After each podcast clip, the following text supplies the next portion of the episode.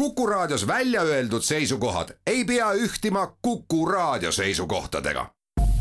Te kuulate Kuku Raadiot.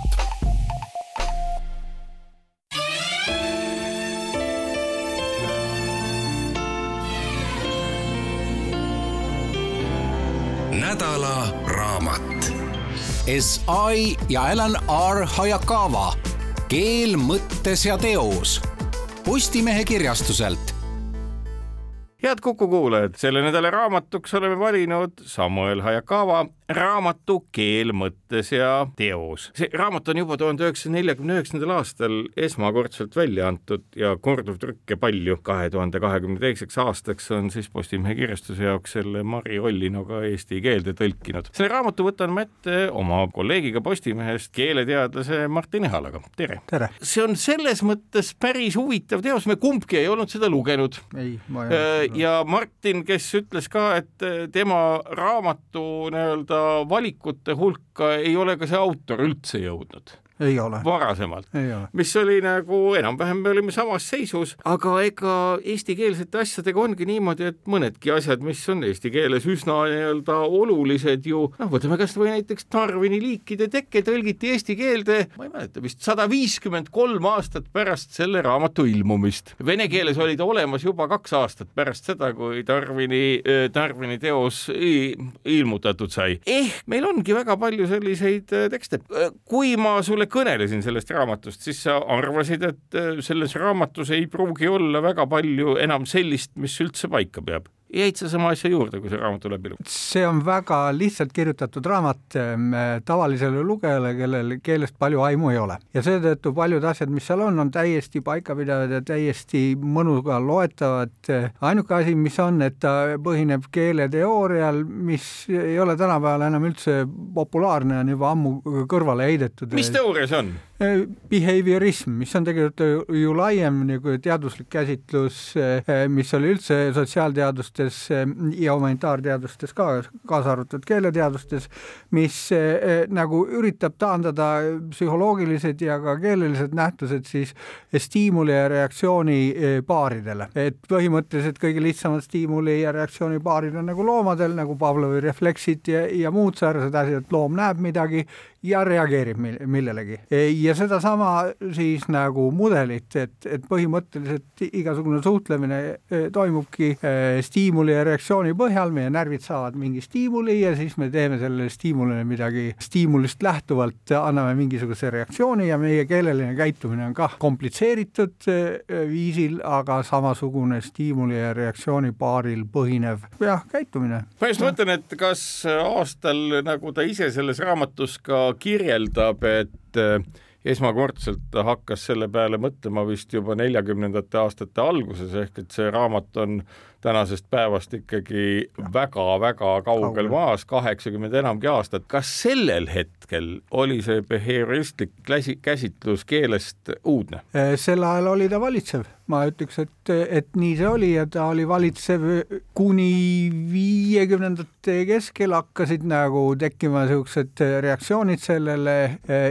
ja alternatiivteooriad, noh, keeleteaduses ütleme siis generatiivne grammatika, mis lõpuks selle behaviorismi tõukasid välja. aga noh, selle põhimõte, no ütleme lihtsustatud keele puhul on nii, et kui meie keha annab meile signaali, et kõht on tühi, siis me ütleme, kõht on tühi, aga kuigi ta on seal mõne koha peal peal ikkagi natukene nii-öelda nüansirohkem ja, ja pigem noh, kas me võime öelda, et äh, Hayakawa nii-öelda tekst natukene valmistab ka ette sellist, sellist äh, muutust keeleteaduses, kuna tegelikult ju seda on trükitud veel viimati üheksakümnendate aastate alguseski raamatut. ma ei usu, et tema tekst valmistab ette seda, see on pigem on see, et seda behaviorismi seal ei ole nähtavalt ja väga palju et, et see semantika, millest ta kirjutab ja pragmaatika, tegelikult pragmaatika teadust eh, tol ajal veel olemas olnud, aga ta siin üsna palju kirjeldab pragmaatikast ehk siis sellest, kuidas keelt kasutatakse suhtlemises. eks ole, selles suhtes ja, on ta nagu head tähelepanelikud, õiged tähelepanekud ja see teadus, mis tegelikult hakkas sellega tegelema, arenes välja seitsmekümnendatel alles. nii et noh teatud mõttes semantikuna ta tõesti käis selle eel, et lihtsalt tavaliste sõnatähenduste üle nagu teoretiseerimise kõrval ta võttis ka siis suhtluse tähenduse, eks ole, selles mõttes laiemalt. küllap vist, kuigi see teos ei ole, eks ole, keeleteaduslik tüviteos. ta on see kultuuriline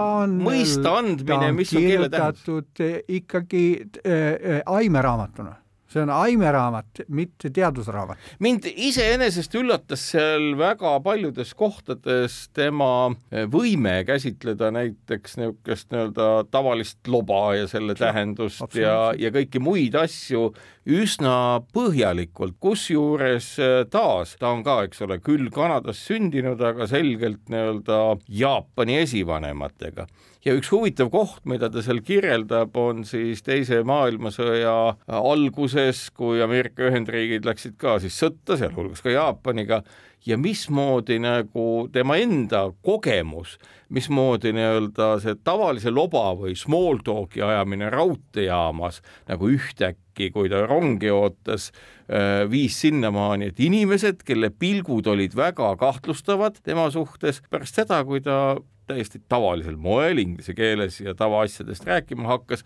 ka kogu see asi leevendus, ehk et ta on teinud niisuguseid päris omapäraseid eksperimente. jah äh,, absoluutselt äh, üldistab või noh, Äh, kirjeldab päris täpselt seda, et kuidas tegelikult keel toimib üsna mitmel tasandil, üks tasand on seesama äh, informatsiooni edasiandmise tasand, aga, aga äh, teisel tasandil toimub keel kogu aeg ka suhete korraldamise, suhete korrastamise tasandina. Ja seesama nii-öelda small talk või, või nagu äh, lobajutt, et selle lobajutu informatiivne sisu on enamasti suhteliselt madal, seal peaaegu ei ole. No, no ära karda mind, ma olen täitsa normaalne ei, inimene. jah või..., isegi ei, ei, ei öelda seda, see on see võib-olla nagu see sõnum, mida saadetakse, aga seda ei öelda sõnades välja, sõnades öeldi, et näe, vihma sajab. jah, siit ilm on täna tõesti on ja no järjest hullemaks läheb. Ja niimoodi vahetatakse, kuni siis inimeste vahel tekib see side, et võib nagu vastastikku usaldada, nii et see info, mis vahetatakse, need sõnad ja lausete tähendus on nagu tühine, aga see, et, et seda tehtakse vastastikku nagu teatud paitustena, see, see on siis see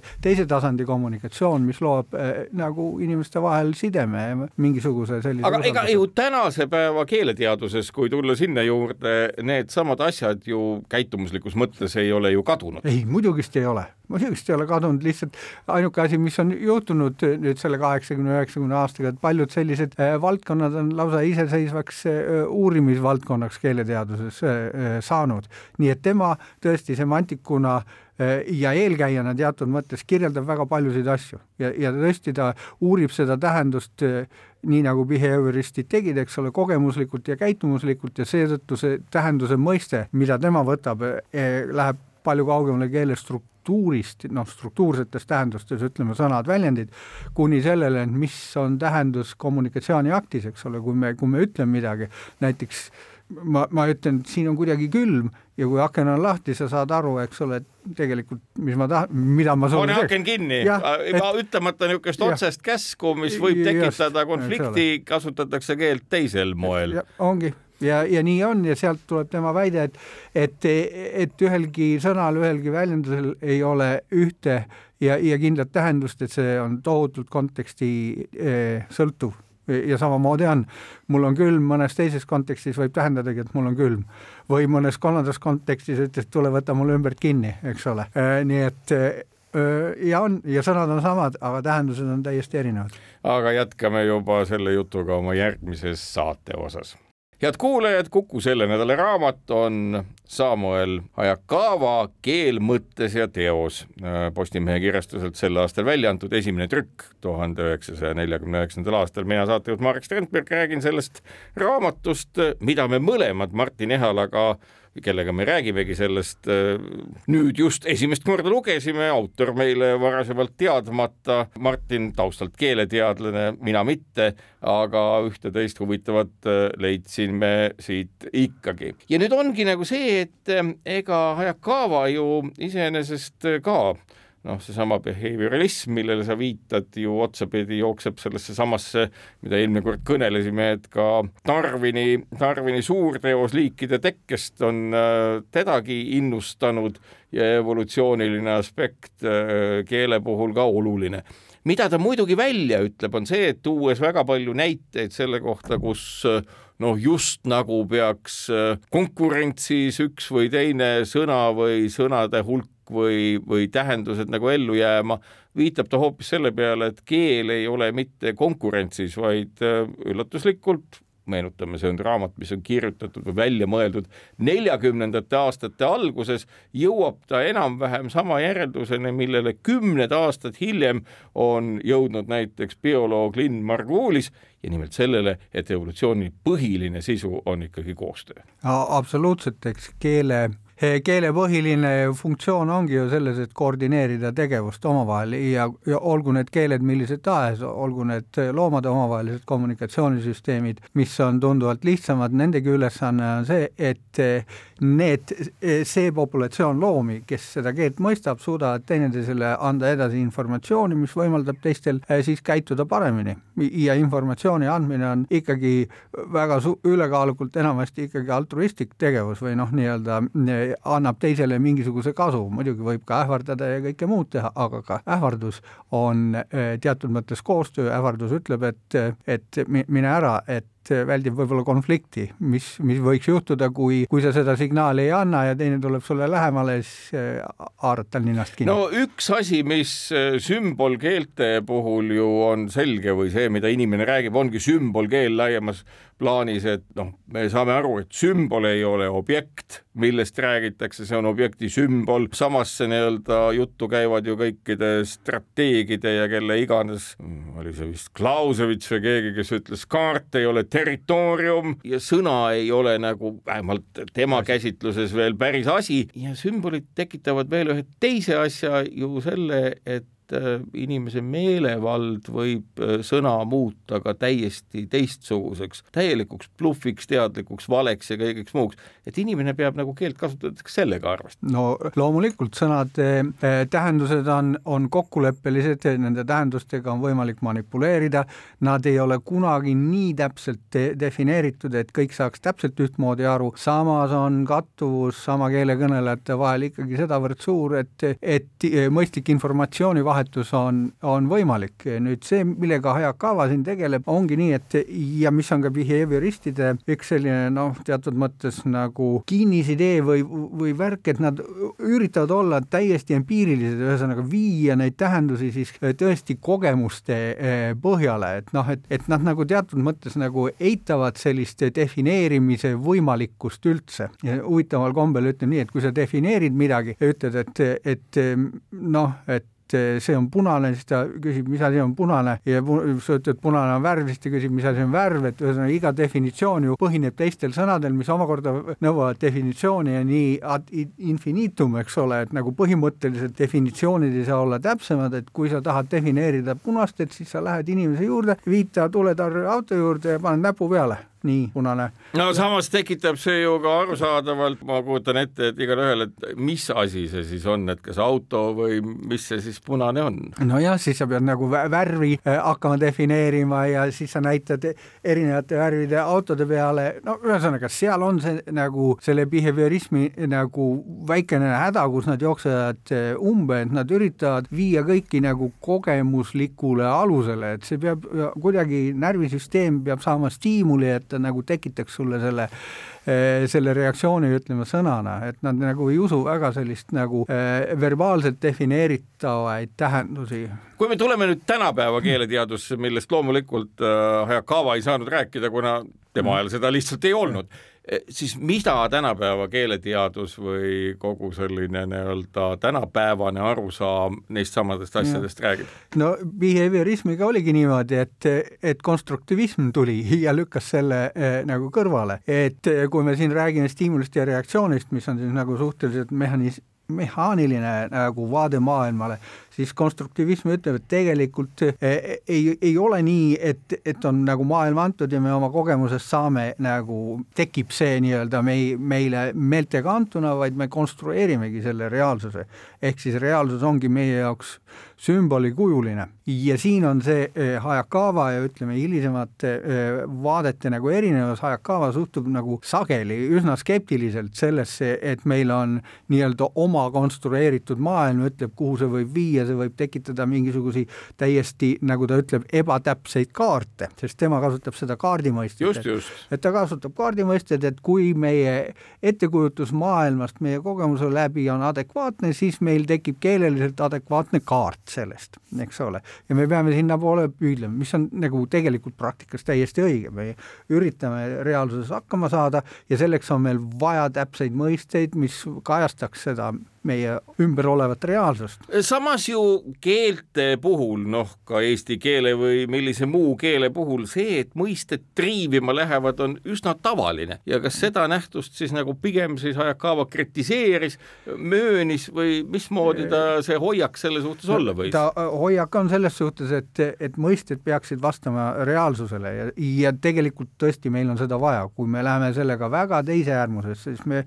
võib-olla satume, loome omale sellise ettekujutuse reaalsusest, mis ei ole hea. no üks väga hea konstruktivismi näide on ju sellest, et kui palju on meil sugusid, eks ole, kas meil on kaks sugu, mehed-naised, meil on kolm sugu või meil on neid palju rohkem? Ja vaat see, see ongi, siin ongi see mõiste loomine, eks ole, praegusel ajal ütleme kas või see kväärteooria nagu ütleb, et meil on siin väga palju erinevaid nagu varjundeid, eri sugusid ja, ja üritab isegi seda kontseptualiseerida.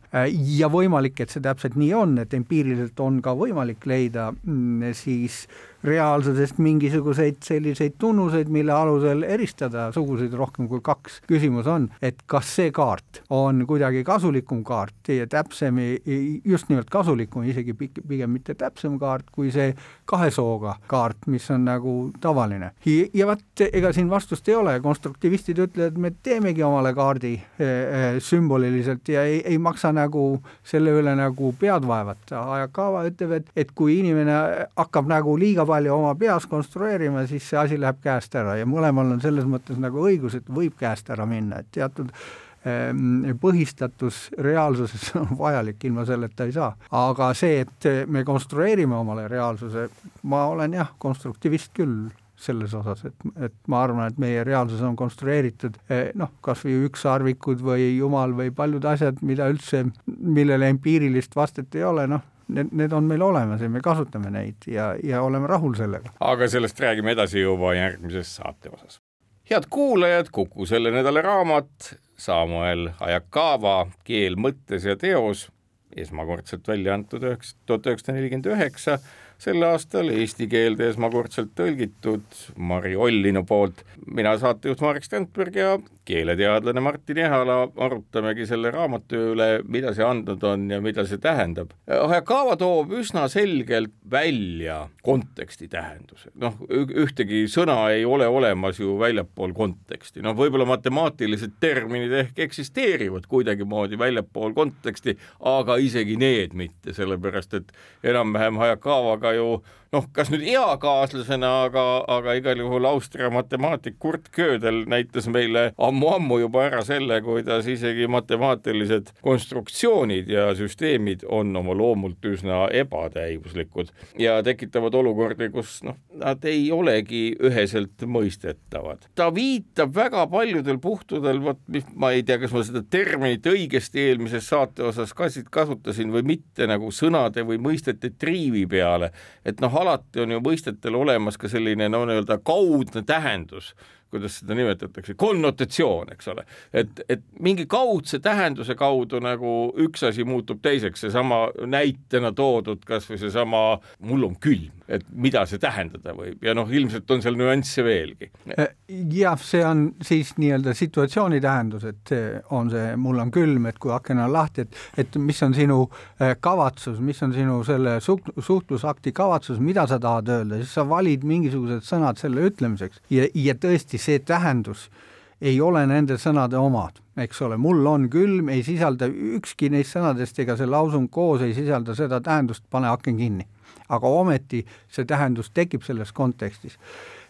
ja ta tekib selles kontekstis seetõttu, et, et me jagame mingisugust eh, ühist ettekujutust eh, maailmast ja, ja üritame aru saada, mida teine inimene mõtleb vot siin on see noh, nagu huvitav ja tore paradoks, eks ole, sõnadel, mina nagu ütlen, sõnadel on tähendus, sõnaraamatud ongi ja annavad neid tähendusi, kui sa võõrast keelt õpid, sul teisiti ei saagi. no sa pead mingisuguse nii-öelda, nii-öelda kaardid paika panema, et üldse paika. nagu suhtlema hakata aga siis, kui sa hakkad lauseid ütlema ja teine inimene, kes teab ka neid sõnu ja on ka nagu omandanud tähendused, mis enam-vähem klapivad sinu omaga, siis ta üritab aru saada, miks sa seda ütled. et kui ma ütlen, et mul on külm eks ole, siis ta mõtleb, milleks mina praegu ütlesin seda, mul on külm, mis on see tähendus, mida ma tahan e, edasi anda? Ja kui ta näeb seal ümberringi, et ahah, aken on lahti, siis ta saab aru, tõenäoliselt see tähendus on see, siis ta võib ka täpsustada, et kas ma panen akna kinni või ta lihtsalt paneb akna kinni. nii et, et me kogu aeg tegelikult neid tähendusi suhtluses interpreteerime ja nad tõesti selles mõttes ei ole tähendusi, tähendused tekivad sellel hetkel, kui sa ütled midagi ja siis see tähendus tekib. Ja järgmine kord, kui sa ütled, siis on sellel mingisugune teine tähendus, see võib olla natukene teine, mõnikord see võib olla üsna palju teine. kas ma saan aru õigesti, et keeleteaduses, millest ma tean õige vähe, aga üks probleemide hulk ongi selles, mis on seotud nii-öelda kaudse ja esmase tähenduse nagu sellise nii-öelda konflikti või arenguga? ja ma ei tea, kas ma oskan seda päris täpselt nagu öelda, et nagu sõnade no, nagu, põhitähendused. no et ütleme seesama, sa ütled, et on olemas sõnaraamatud, me kõik teame, et on olemas sõnaraamatud, seal on sõnade esmased tähendused. Nüüd on. on kusagil ka olemas mitte ainult sõnade, vaid ju ka lausete või ütleme, grammatiliste väljenduste esmane tähendus ja siis hakkab peale nii-öelda. ja absoluutselt muidugi selles mõttes, et kui me koostame lause ja lause on kompositsiooniliselt pandud eh, kokku sõnadest, eh, siis eh, tema kompositsiooniline nii-öelda sõnaraamatu tähendus mul on külm, ongi see, et, et on mingisugune isik, kes väljendab mingisugust, väljendab nagu mõtet äh, oma keha nagu temperatuuri tunnetuse kohta, see on siin nii-öelda kontekstivälise lause tähendus. ja siis tuleb sealt see suhtlustähendus, mis mul on külm, võib tähendada ühte, teist või kolmandat, pane aken kinni või tule kallista mind või mida muud, äh, ja see sõltub su suhtluskontekstist. Ja siis muidugi võib olla veel kujundlik tähendus, eks ole, nagu poeetiline tähendus mis, mille annab kirjanik, kus ta võib ka öelda väga lihtsaid asju ja need lihtsad asjad omandavad mingisuguse sümboli kaalu, ta kirjeldab mingisugust päikesetõusu, kuna meil kõigil on kogemus sellega, kõigil tekib sellega mingi assotsiatsioon, seal on teatud sarnasused ja see üldistub nagu kujundiks, kunstiliseks kujundiks noh, Lotman on ka rääkinud, et nagu iga ilukirjandusteos tegelikult töötab kahel tasandil, üks, üks on see tekst, mida see tekst ütleb ja teine on see kunstiline tähendus, mida siis kas noh, tõenäoliselt autor soovib selle kunstiteosega öelda, midagi muud. Mingisugune kõrgem tähendus. üks väga huvitav teema haakub äh, Hayakawa ajastuga kui ka tänase ajastuga see on üsna üks-ühene nii-öelda seos sellega, kuidas kirjeldatakse sõjauudiseid, mille kontekstis ta on ju elanud ja kirjutanud, nii nagu me tänagi näeme, ja needsamad aktiivselt kirja pandud siis kaudsed tähendused või konnotatsioonid asjadel, need on nagu hästi huvitavad, mida ta seal välja toob ja see oli nagu küll rusikas ei mahu silmaauku, aga nagu rusikas silmaauku ehk äh, väga tugev nii-öelda äratabamine, kus nii-öelda erinevate poolte sõjauudistel on ka tüüpiliselt täpselt samasugune tähendus, kas aktiivne pealetung või etteplaneeritud taandumine või kõik needsamad asjad ta toob näitena ja ma arvan, et äh, igati kasulik on inimestel seda, seda tekstivoogu seal vaadata ja aru saada, et millest see tuleb. ja neid asju ta kirjeldab seal üsna, üsna täpselt ja, ja pikalt ja hästi ja kas või seda, mismoodi viis, kuidas me teatud nähtusi kirjeldame, nagu loomulikult kujundab meie hoiakuid ja suhtumise asjasse, kas me kas me kujutame ette, et, et sotsiaalabi on, on vasteabi, kui me maksame, eks ole, mingisugust no, just, just, see kul, näide kulust, oli just. väga hea seal. E, või siis me teeme see, et see on e, nii et teatud mõttes kindlustus, eks ole, mida inimene on juba enne oma tööga sisse maksnud, eks ole, ja siis, kui tal nagu tekib raskusi, siis, siis lihtsalt see kindlustus katab teda, mis, mis jätab tema väärikuse alles selles mõttes, et ta on juba selle eest kõik nii-öelda, ta oma panuse andnud ja, ja sealt kindlustusest ta saab tagasi, nii et see väga palju mõjutab viis, mismoodi me kontseptualiseerime ühte või teist asja eh, selles mõttes, kuidas seda tajutakse, loomulikult sõjaolukorras eh, eh, absoluutselt tehakse seda selleks, et, et hoida moraali üleval ja noh, ühesõnaga jah, mitte ma pigem nautisingi seda teksti hulka, mis Hayakawa esitab just nimelt selles, et see on tõesti väga lihtsalt nii-öelda omaksvõetav selgitus selle kohta, kuidas keel ja keelekasutus inimese meeleolu ja hoiakuid võivad ühes või teises suunas muuta ja seda on seal üsna palju tõesti tehtud, raamatu algusosas on väga häid nõuandeid ajakirjanduse lugemiseks, et, et see, et kuivõrd noh, hinnangud ja informatsioon eks ole, ja hinnangud ei pruugi sageli olla sugugi mitte hinnanguna antud, et ta on loll või, või, või mis iganes, et need võivad olla üsna varjatult sõnavalikuga edasi antud ja seda peab ka nagu aru saama, et noh, kõige banaalsem näide, eks ole, kas nimetada kedagi vabadusvõitlejaks või terroristiks, eks ole, täpselt sama sündmust on võimalik kirjeldada kahel eri viisil, nimetades seda tegijat, kes midagi tegi, vabadusvõitlejad lasid Kertši silla õhku või siis teisest poolt venelane siis kirjutab, et, et seda tegid noh, terroristid või vaenlane, eks ole et seesama tegija võib saada kaks erinevat nimetust ja, ja see on ju väga tavaline. omadussõnade ja, ja lihtsalt sellega, et, et sa valid erinevatest sünonüümidest äh, hinnangulise sünonüümi ja, ja kuigi kõik on õige, kõik on faktiliselt õige, need sõnad, millega sa seda teed, muudavad teksti kallutatuks ja noh, paraku aeg-ajalt juhtub ajakirjanduses ka,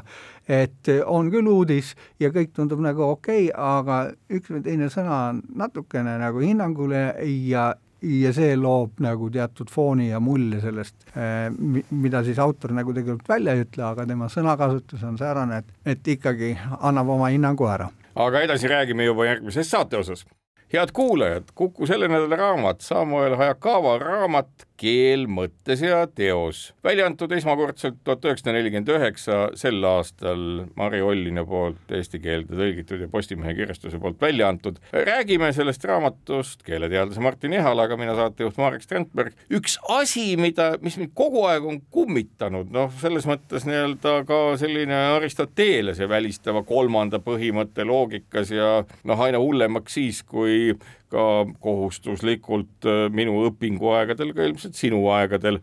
oli ju äh, niisugune imelik värk nagu äh, dialektiline materialism, dialektika oli. üldse, eks ole, mõnes mõttes küll mitte nii-öelda ideoloogilisena, aga sellise saksa filosoofia osana, oli natukene nii-öelda kummastav selles mõttes, et mina ka keemikuna kindlasti olen tähele pannud paljusid protsesse, mis ei ole kas üks või teine on mitmeid võimalusi. Ja Hayakawa toob väga selgelt välja selle, kuidas selline kaksikvalik tekitab keeles väga tõsiseid nii-öelda selliseid käsitlusprobleeme, et kui saab olla ainult kas kellegi poolt või kui sa ei ole kellegi poolt, siis sa oled järelikult sellesama asja vastu ja näitab seda, kuidas ka Natsi-Saksamaal ja paljudes muudes ühiskondades ka toona teadaolevalt Stalini Venemaal selline dualism või kahe valiku võimalus kulmineerus üsna koledate keelekasutuste ja tegudega. ja tema raamatus on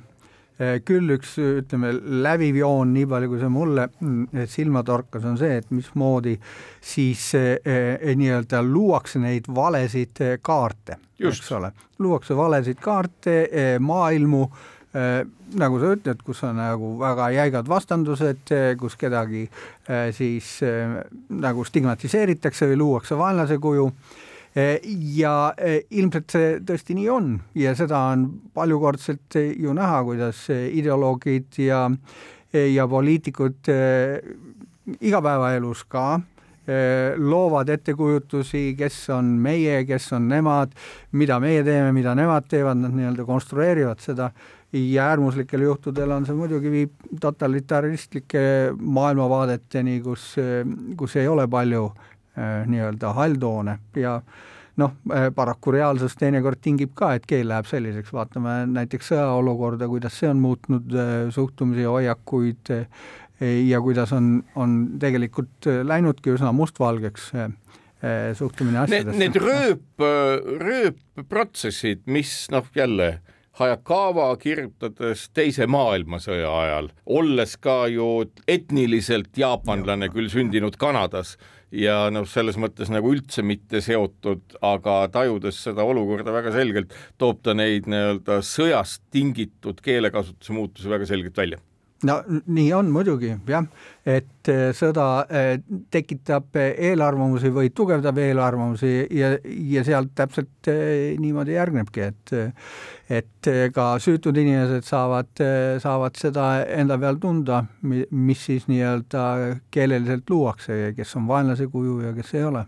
Ja selles mõttes nii-öelda ka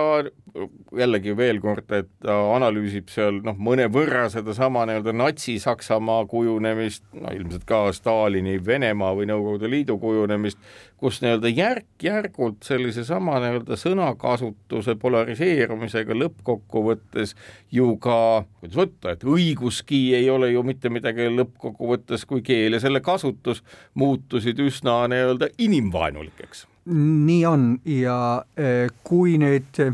noh, nagu Natsi-Saksamaa ja üleüldse igasuguse, igasuguse totalitaarse režiimi kujunemine, kui ta just ei toimu nagu plaksuga mingi revolutsiooni tagajärjel, vaid kui, kui see on nii-öelda rahvamassi Eh, maailma nii-öelda kaardi ümberkujundamine, siis see algab ju tavaliselt üsna väikestest sellistest süüdistustest, eh, mis lähevad järjest suuremaks ja suuremaks, kuni lõpuks viimane aste on täielik dehumaniseerimine, eks ole, hakatakse vastase, hakatakse looma kujundeid ja vastane ei ole enam inimene ja, ja kui juba see on omaks võetud, selline arusaamine, see ei käi järk-järgult, eks ole, kui ma eh, ütlen, et noh, ma ei tea, millised soomlased on äh, Äh, soomlased ei ole inimesed, nad on loomad, eks ole, need tuleb tappa nagu prussakaid, eks ole, mitte keegi ei võta seda nagu omaks. aga kui järk-järgult seda teha, ma, lugedes mõtlesin veel kord seda, et huvitav, kas nii-öelda oludes, kus äh, Hayakawa raamat olnuks olemas nii eesti keeles, kuigi noh, me oleme oma naabrite kummalist käitumist tadunud nagu pikemat ja. aega, aga kui Hayakawa raamat olnuks nii-öelda ka väga paljude kuidas ma ütlen, Euroopa poliitikute noh, selline kohustuslik kirjandus nii-öelda, kas me oleksime tänasel hetkel nii hullus seisus? ei, mina usun seda, et mingi raamat äh, muudaks inimesi paremaks. Tõttu... aga ei, mitte paremaks, vaid just nimelt märkavamaks, sellepärast et see, mida ju naaberriik teinud on, on täpselt selline hiiliv, hiiliv toimetamine. ja, ja, ja. Ma arvan, et minu meelest see, mis ta siin lõppsõnas ütleb, et et seda raamatut võib kasutada nii hästi selleks, et aru saada, mis toimub, seda võib kasutada ka risti vastupidi selleks, et kasutada kõiki neid nõkse inimeste hullutamiseks, et, et nii see on nii et, et see raamat iseenesest ei, võib sind aidata nagu targemaks, aga, aga võib sind muuta ka peenemaks manipulaatoriks, nii et. huvitav, et kas see on näiteks ähm, KGB või selle järglase või Vene kõikvõimalike välisteenistuste ja diplomaatide kohustuslik kirjandus? ma ei tea Goebbels ja teised tegelased äh, tunnevad seda teooriat ju ja ma arvan, et on kirjutatud riiulite kaupa raamatuid selle kohta. ma ei ole propagandaspetsialist äh, ja, ja ma ei tea kõiki neid, aga ma olen kindel, ma, ma ei tea, kas see raamat nüüd tingimata sinna riiulisse kuulub, kas see on nii hea, ilmselt äh, on ta on, ta on, ta on hästi pehme selles ja, mõttes, et see on väga ja. viisakas ja pehme. jaa, aga keeleline mõjutamine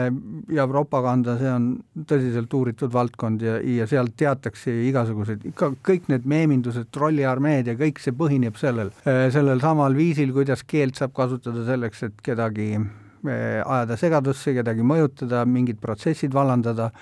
ähm,, absoluutselt. aga sellest räägime edasi juba oma järgmises saate osas. head kuulajad, Kuku selle nädala raamat Samuel Hayakawa Keel mõttes ja teos sellel aastal Postimehe kirjastust välja antud ja Martin Ehalaga, kes keeleteadlane, kolleeg Postimehest, mina, Marek Strandberg, saatejuht, ka sellest kõneleme. üks huvitav äh, seoste hulk, mille ta toob, on see, mida sa natukene ühes saate osas ka siin ennem mainisid, on nimelt poeesia ja seal ta leiab väga palju rööbiti nähtusi, muuhulgas ka reklaamtekstidega ja nende mõjususega ja talle paistab see üks ja seesama. noh, meenutame jälle neljakümnendad aastad, kogu see reklaamitööstus muuhulgas ka ju visuaalne kultuur läbi televisiooni, mis sel hetkel juba olemas ja Ameerikas nagu rohkem levinud kui siinpool oli ja raadio ja kõige kaudu ehk et ta nagu iseenesest sõnastab väga paljud massmeedias toimuvad asjad, mis tänaseni alles üsna selgelt. on küll ja see, mis mulle nagu väga omapärasena tundus, et ta selle poeesia ja reklaami võrdluses oli tal nagu mure poeesia pärast, et ta nagu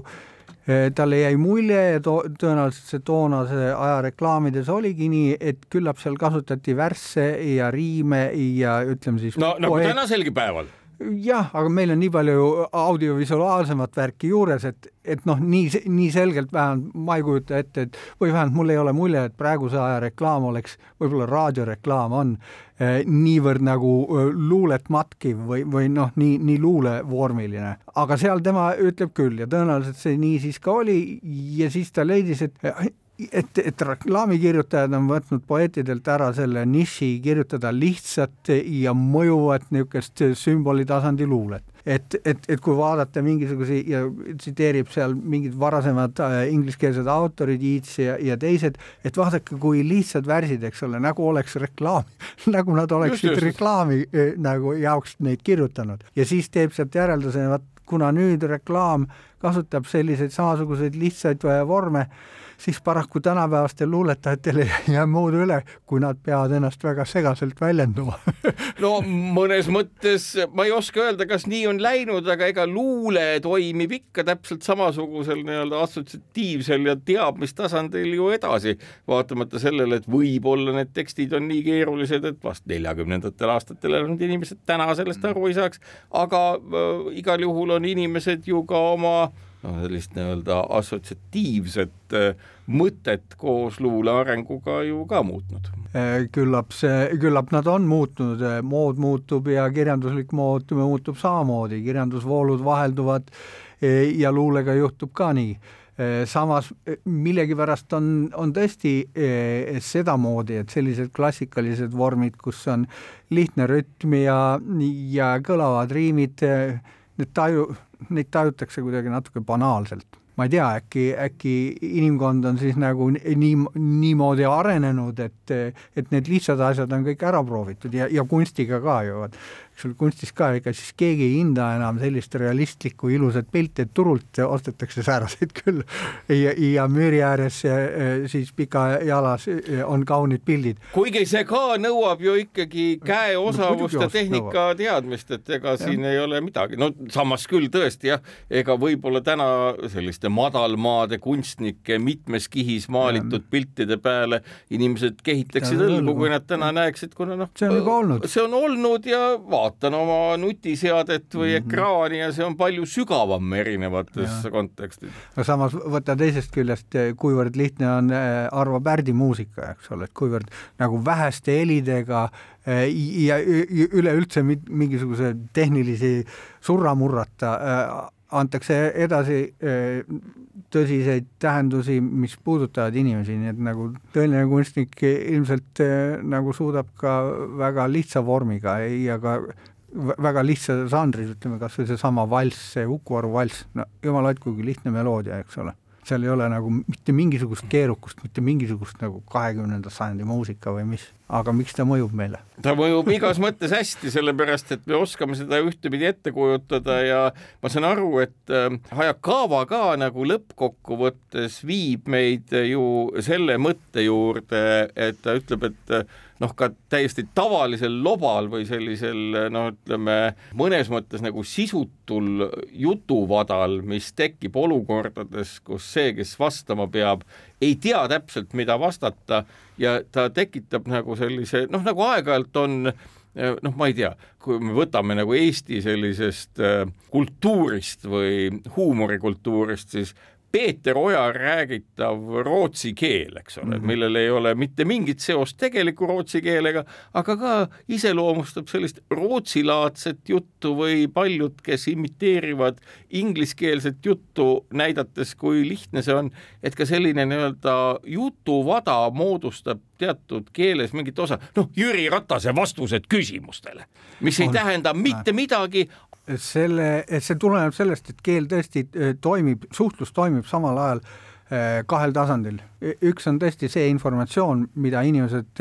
vahendavad omavahel ja teine on see viis, kuidas nad räägivad ja see viis, kuidas nad räägivad, väljendab palju muud, see väljendab identiteeti, see väljendab omavahelisi nagu suhteid, korraldatakse, ma võin sulle öelda, et nagu Marek, istu palun, ma võin sulle öelda, istu, ma võin sulle öelda, istuge palun, eks ole, sõnum on kõik täpselt sama. Aga need erinevad intonatsioonid, erinevad konstruktsioonid kujundavad väga erinevaid suhteid nende kahe inimeste vahel, kas ma nagu käsutan sind või ma olen viisakas või aupaklik ja kõik, ja sa ei saa suhelda ilma, et sa kogu aeg suhtleksid täpselt eh, nendel kahel tasandil. ajakava näitab ka seda, et mingil hetkel võib üldse sellel nii-öelda tekstil, mida räägitakse, ollagi pelk ma ei tea, meloodiline või tonaalne tähendus, millel ei ole ei mingit semantikat, ammugi siis grammatikat taga aga seda räägitakse ja koos kehakeele ja teab veel millega koos, annab ta sellise noh, semiootilise mõju. jah, nii on ja ta ütleb, et see on see osa inimese keelekasutusest, mis meil on nagu sarnane loomade keelekasutusega, et kus, et kus see semantiline sisu ei olegi nii tähtis, vaid, vaid see, mis sa siis nii-öelda räägid, mõjutab emotsionaalsel tasandil, kas siis nagu lähedust tekitavalt või vastupidi, nagu eemale pelletavad, need urr, urrväljendid ja nurrväljendid. just, just, just. ja, nagu... nende osakaal on täiesti keeles olemas, kas seda no, sina keeleteadlased, kas on hinnatud, kui palju inimkonnal või inimestel erinevates kultuurides sellist urr ja nurr häälitsemist toimub? Äh, kui nüüd seda Hayakavat võtta ja sellest raamatu esimeses osas, siis äh, tema äh, kirjelduse järgi on seda väga palju, igasugused hüüatused, oh, ta on maailma kõige nunnum väike tüdruk. et, et tegelikult see informat-, aktiivne osa on, on nagu tühine, et, et tegelikult see, mida siis nagu väljendatakse, on oma emotsionaalne seisund, ühesõnaga, kui sedasama behaviorismi tagasi tulla, et need sõnad on seal täiesti tühised, mida sa ütled, aga see, mida sa tahad öelda, on mingisugune sinu emotsionaalne seisund selle, selle väikse tüdruku kohta ja siis sa kasutad neid sõnu, aga oluline on seal just see, see, see, see nagu positiivne emotsioon, mille sa edasi annad, nii et tema jah, ütleb, et meil neid urr ja nurr asjad käivad nagu kõik hinnangulised asjad, et äh, igavene ekreit, et see, see väljend, see ei ole muud kui üks urr väljend, eks ole, et ta uriseb, sa, sa urised selle asja välja äh, ja et see on ainult hinnang, eks ole. ja nii on, et seal pole semantilist noh, nii-öelda Äh, informatiivset sisu. igavene liberast no,. täpselt samasugune ehk ütleme, käib ja. kogu aeg ja see on nagu tavaline ja see on keele nagu normaalne osa. kas no. ilma selleta, kas, kas, kas, kas selle nii-öelda, kuidas ma ütlen, väljaharimine, ma ei saa öelda juurimine, aga väljaharimine, et kas selle tulemusena inimene muutuks paremaks? Mul on tunne, et Hayakaval on sees nagu kripeldab, et saaks seda välja harida, saaks välja harida, et inimkeel oleks ratsionaalsem, kooperatiivsem ja kõike muud. ja ta äh, lähtub sellisest nagu ütleme, väga lääne-euroopalikust niisugusest äh, ratsionaalsest nagu maailmavaatest ja üritab öelda, et, et kõik see, mis on emotsionaalne, et see on kuidagi nagu teie kaart läheb nässu või viltu et ignoreerib seda identiteedi poolt, et see, sellest me ei pääse mitte kuhugi sellest meie oma identiteedist ja see mõjutab meie keelekasutust. nii, ja see oligi Samuel Hayakawa raamat Keel mõttes ja teos. ma arvan, et äh, kuna meile kummalegi, ühele ka keeleteadlasele tundus, et see on täitsa virgutav lugemine, minule vähemalt küll, ma ei tea, kuidas sulle äh, äh, ma arvan, et kui te ei ole keelest midagi lugenud, see annab palju kasulikku teadmist, huvitavaid rakursse, siin on kenasid näiteid aga kõik me oleme koolis ka õppinud äh, äh, ja need terminoloogiad, mis koolis kasutatakse, on natuke teised, nii et aga see on väike asi, see ei sega lugemist. no vot nii, sellega on siis raamat tutvustatud ja head lugemist teile ja järgmiste kordadeni.